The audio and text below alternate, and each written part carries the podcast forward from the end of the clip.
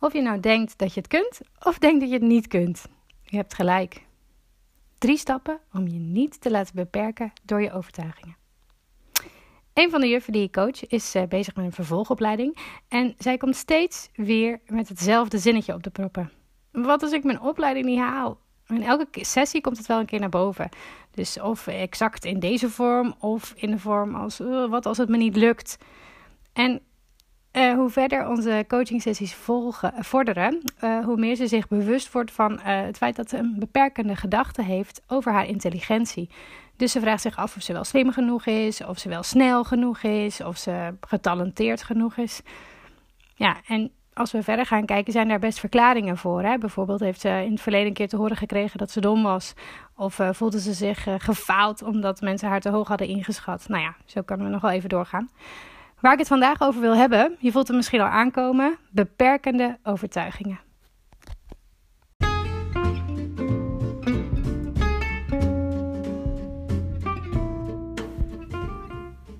Mijn naam is Jasmijn George, juffencoach. Ik coach leerkrachten naar onderwijs geven en beleven in balans. Ik deel vandaag drie stappen hoe je je niet meer hoeft laten af door de beperkende overtuigingen die je misschien wel hebt of die je nu voelt opkomen.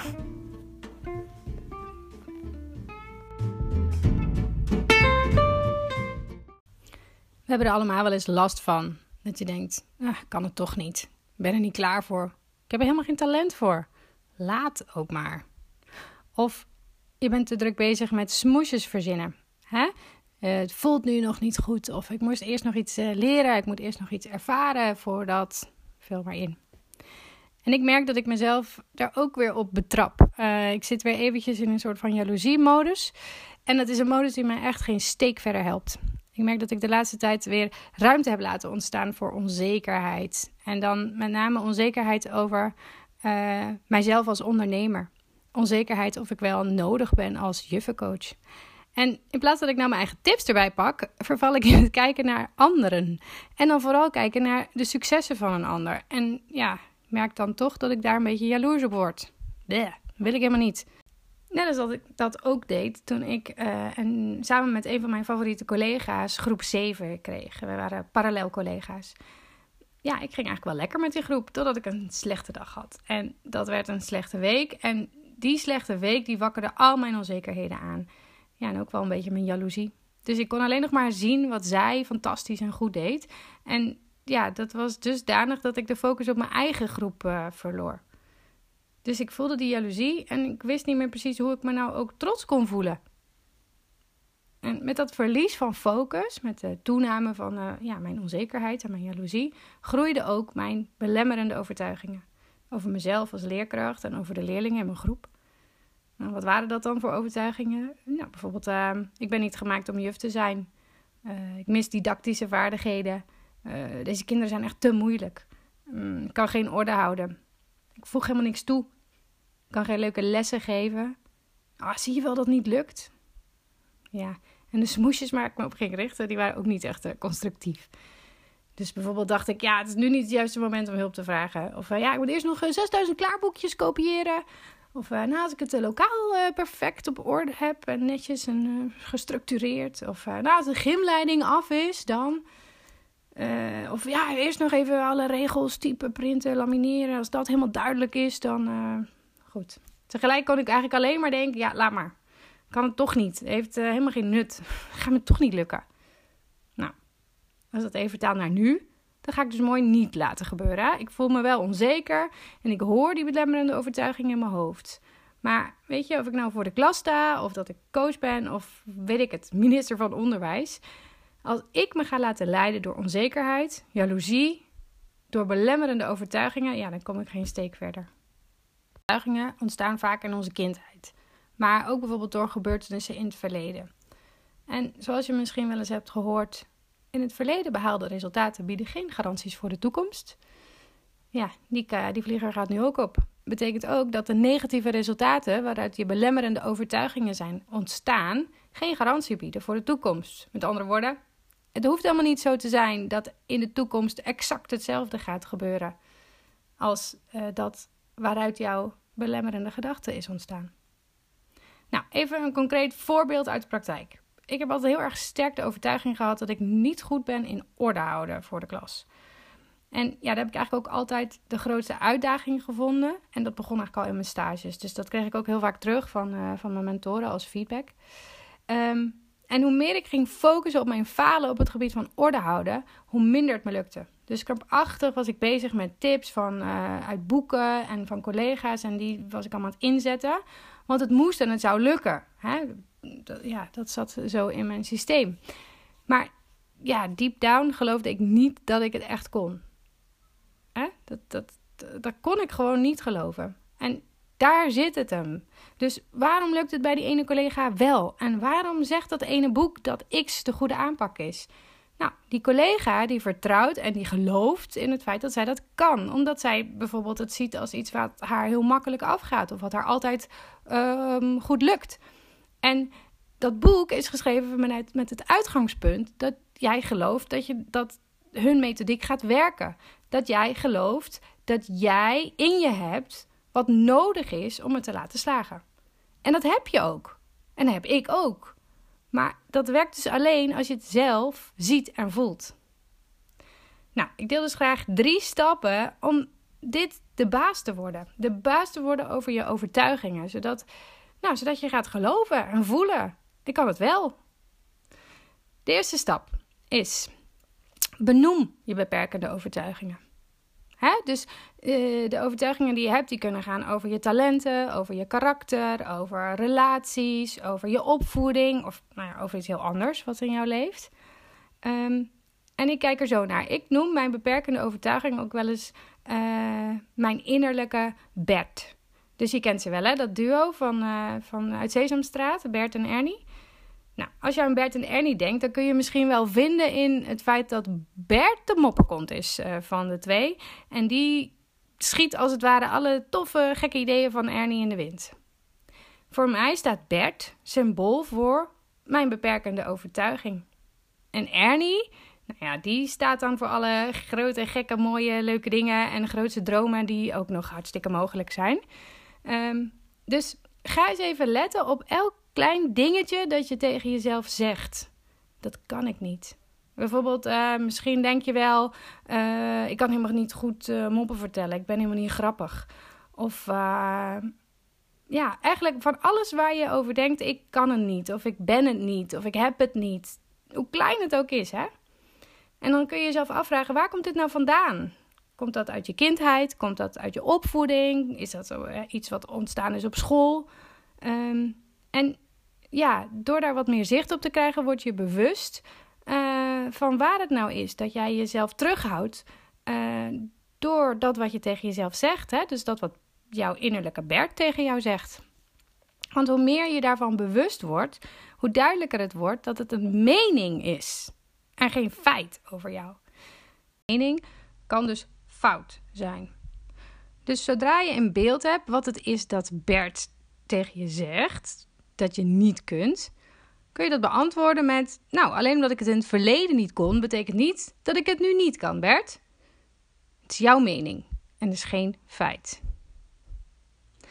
Stap 2. Bekijk de feiten. Dus is het eigenlijk wel echt waar dat jij ergens slecht in bent? Is het echt waar? Welk bewijs is er dan om dat te ondersteunen? En hoe vaak is het eigenlijk misgegaan? Hoe vaak is dat gebeurd? Dus beperkende overtuigingen hebben heel veel vat op uh, je emoties. Ze spelen in op je gevoel. En vaak laten we ja, eigenlijk dat gevoel de overhand nemen. Dus bijvoorbeeld angst om te falen, uh, angst om de mist in te gaan. En in plaats van je te focussen op hoe je in het verleden voelde, kijk dan naar de daadwerkelijke feiten. En onderzoek dan hoeveel van mijn waargenomen falen komt nou omdat ik dacht dat ik het toch niet zou halen. Weet je, hoe hard was jouw innerlijke Bert aan het roepen en schreeuwen toen je bezig was? Hoeveel afleiding gaf die Bert? Waardoor je dus niet optimaal kon presteren. Als je je innerlijke Bert onder controle krijgt, dan geef je Ernie automatisch wat meer ruimte om te gaan kijken naar wat er wel kan. En dat ook echt waar te gaan maken. Stap 3 is creëer een nieuwe overtuiging. Schrijf een nieuw verhaal. Dus je benoemt uh, en onderzoekt of het allemaal echt waar is. En van daaruit creëer je een um, nieuwe overtuiging die meer waar is en die je verder helpt.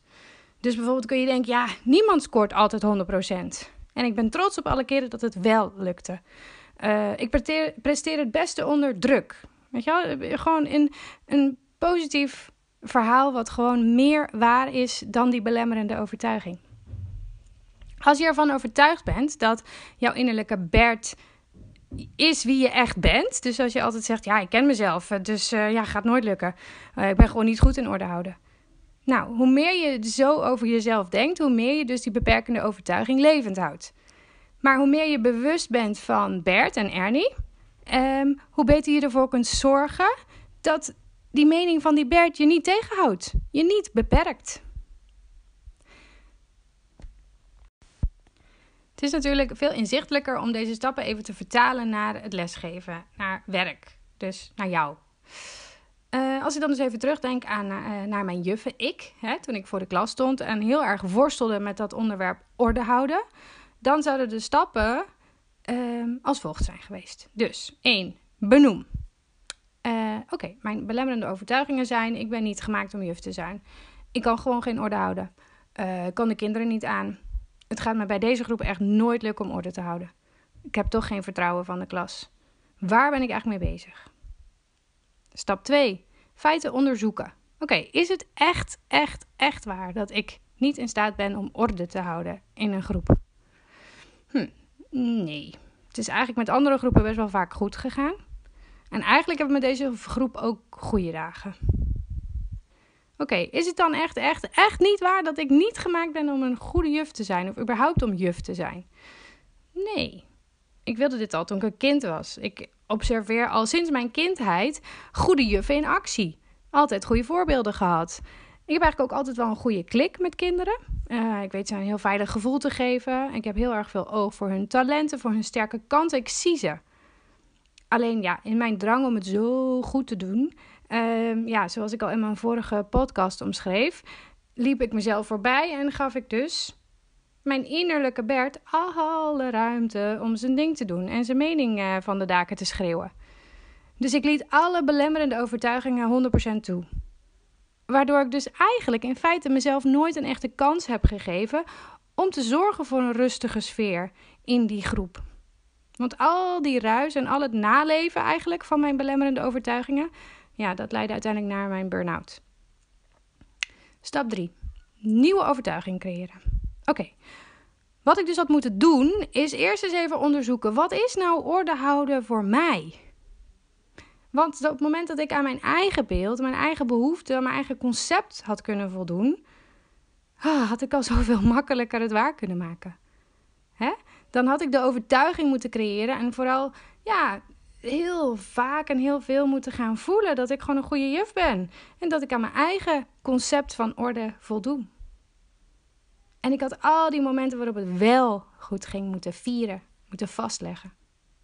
Ik had me moeten richten op het feit dat ik een juf ben, of was toen, met een doel en met een visie. En dat ik altijd een goede band heb met kinderen. Dat ik de baas ben van mijn leven en niet het slachtoffer van mijn leven. Dat ik elke dag zie als een nieuwe kans om te groeien. En dat ik samen met die groep sterk zou staan. Ik had best wel een heel mooi nieuw verhaal kunnen schrijven. Een verhaal dat, dat ik had kunnen voelen tot in mijn tenen. Want ja, daar begint het mee. Hè? Voelen dat je het wel kunt. Alle keren zien dat het wel is gelukt en dat je het wel hebt gedaan. Dat moet je uitgangspunt zijn. Dus ook als jij nou een slechte dag hebt met je klas, waar focus je op? En waar zou je nou eigenlijk op moeten focussen? En wat zijn op dit moment dan de verwachtingen die je hebt van hoe zo'n dag zal gaan? En hoe kun je nou die verwachtingen zo omzetten dat jij gaat geloven en voelen dat het haalbaar is wat je wil? Dat je dus gaat zorgen dat die Bert die in jou zit geen ruimte krijgt om te gaan zorgen voor ruis. Nou, en om het verhaal te completeren wil ik nog even de vertaalslag maken naar mijzelf nu, naar mijn situatie nu. Dus stap 1: benoemen. Mijn innerlijke Bert, mijn beperkende overtuiging zegt dat ik mm, geen goede ondernemer ben. Dat ik uh, niet nodig ben, want er zijn al zoveel coaches die veel betere ondernemers zijn dan ik. Uh, dat ik niet genoeg lef heb om uh, als ZZP'er te overleven. Stap 2. De feiten onderzoeken. Is het echt waar wat ik net zei? Nee, ik weet eigenlijk best wel goed waar ik mee bezig ben. En ja, er is ruimte voor groei. Maar ik doe het echt niet slecht. Hmm, en hoe vaak ging het dan feitelijk mis? Ja, het is wel eens misgegaan. Soms, maar niet super vaak. Niet in de meerderheid van de gevallen. En ja, de keren dat het misging, moet ik even heel eerlijk zijn, ging het mis omdat mijn innerlijke Bert het hoogste woord uh, aan het voeren was. Die zorgde voor mega ruis en afleiding. En nou ja, daardoor ging ik natuurlijk niet de resultaten halen die ik uh, voor ogen had. Stap 3. Creëer een nieuwe overtuiging. Oké, ik kies ervoor om de focus te leggen op wat ik wel heb bereikt. Ik weet waar, wanneer, wie, hoe ik om hulp kan vragen. En ik voel dat mijn missie om het onderwijs in balans te brengen heel hard nodig is. En ik voel best wel veel vertrouwen in dat ik daar ook mijn steentje in kan bijdragen. Ik ben er heel erg van overtuigd dat ik een goede coach ben die meerwaarde heeft en meerwaarde geeft. Ik sta niet stil, ik geef niet op en ik ga op zoek naar bewijs dat ik een succesvolle ondernemer ben. Maak dus korte metten met die belemmerende overtuigingen. En ja, weet je, ze zullen nooit 100% verdwijnen. Dat is oké.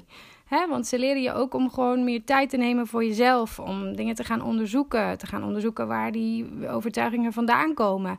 En dus waar je je aandacht op mag gaan richten. Nou, misschien wil je wel wat hulp bij het onderzoeken van die uh, belemmerende overtuigingen. Misschien wil je wel wat hulp bij het kiezen van de juiste vervolgstappen. Nou, stuur gerust een berichtje, want dan kijk ik graag met je mee of en hoe ik je verder kan helpen. Ik ben heel benieuwd welke nieuwe overtuigingen jij kiest en ja, hoe die jou verder gaan brengen.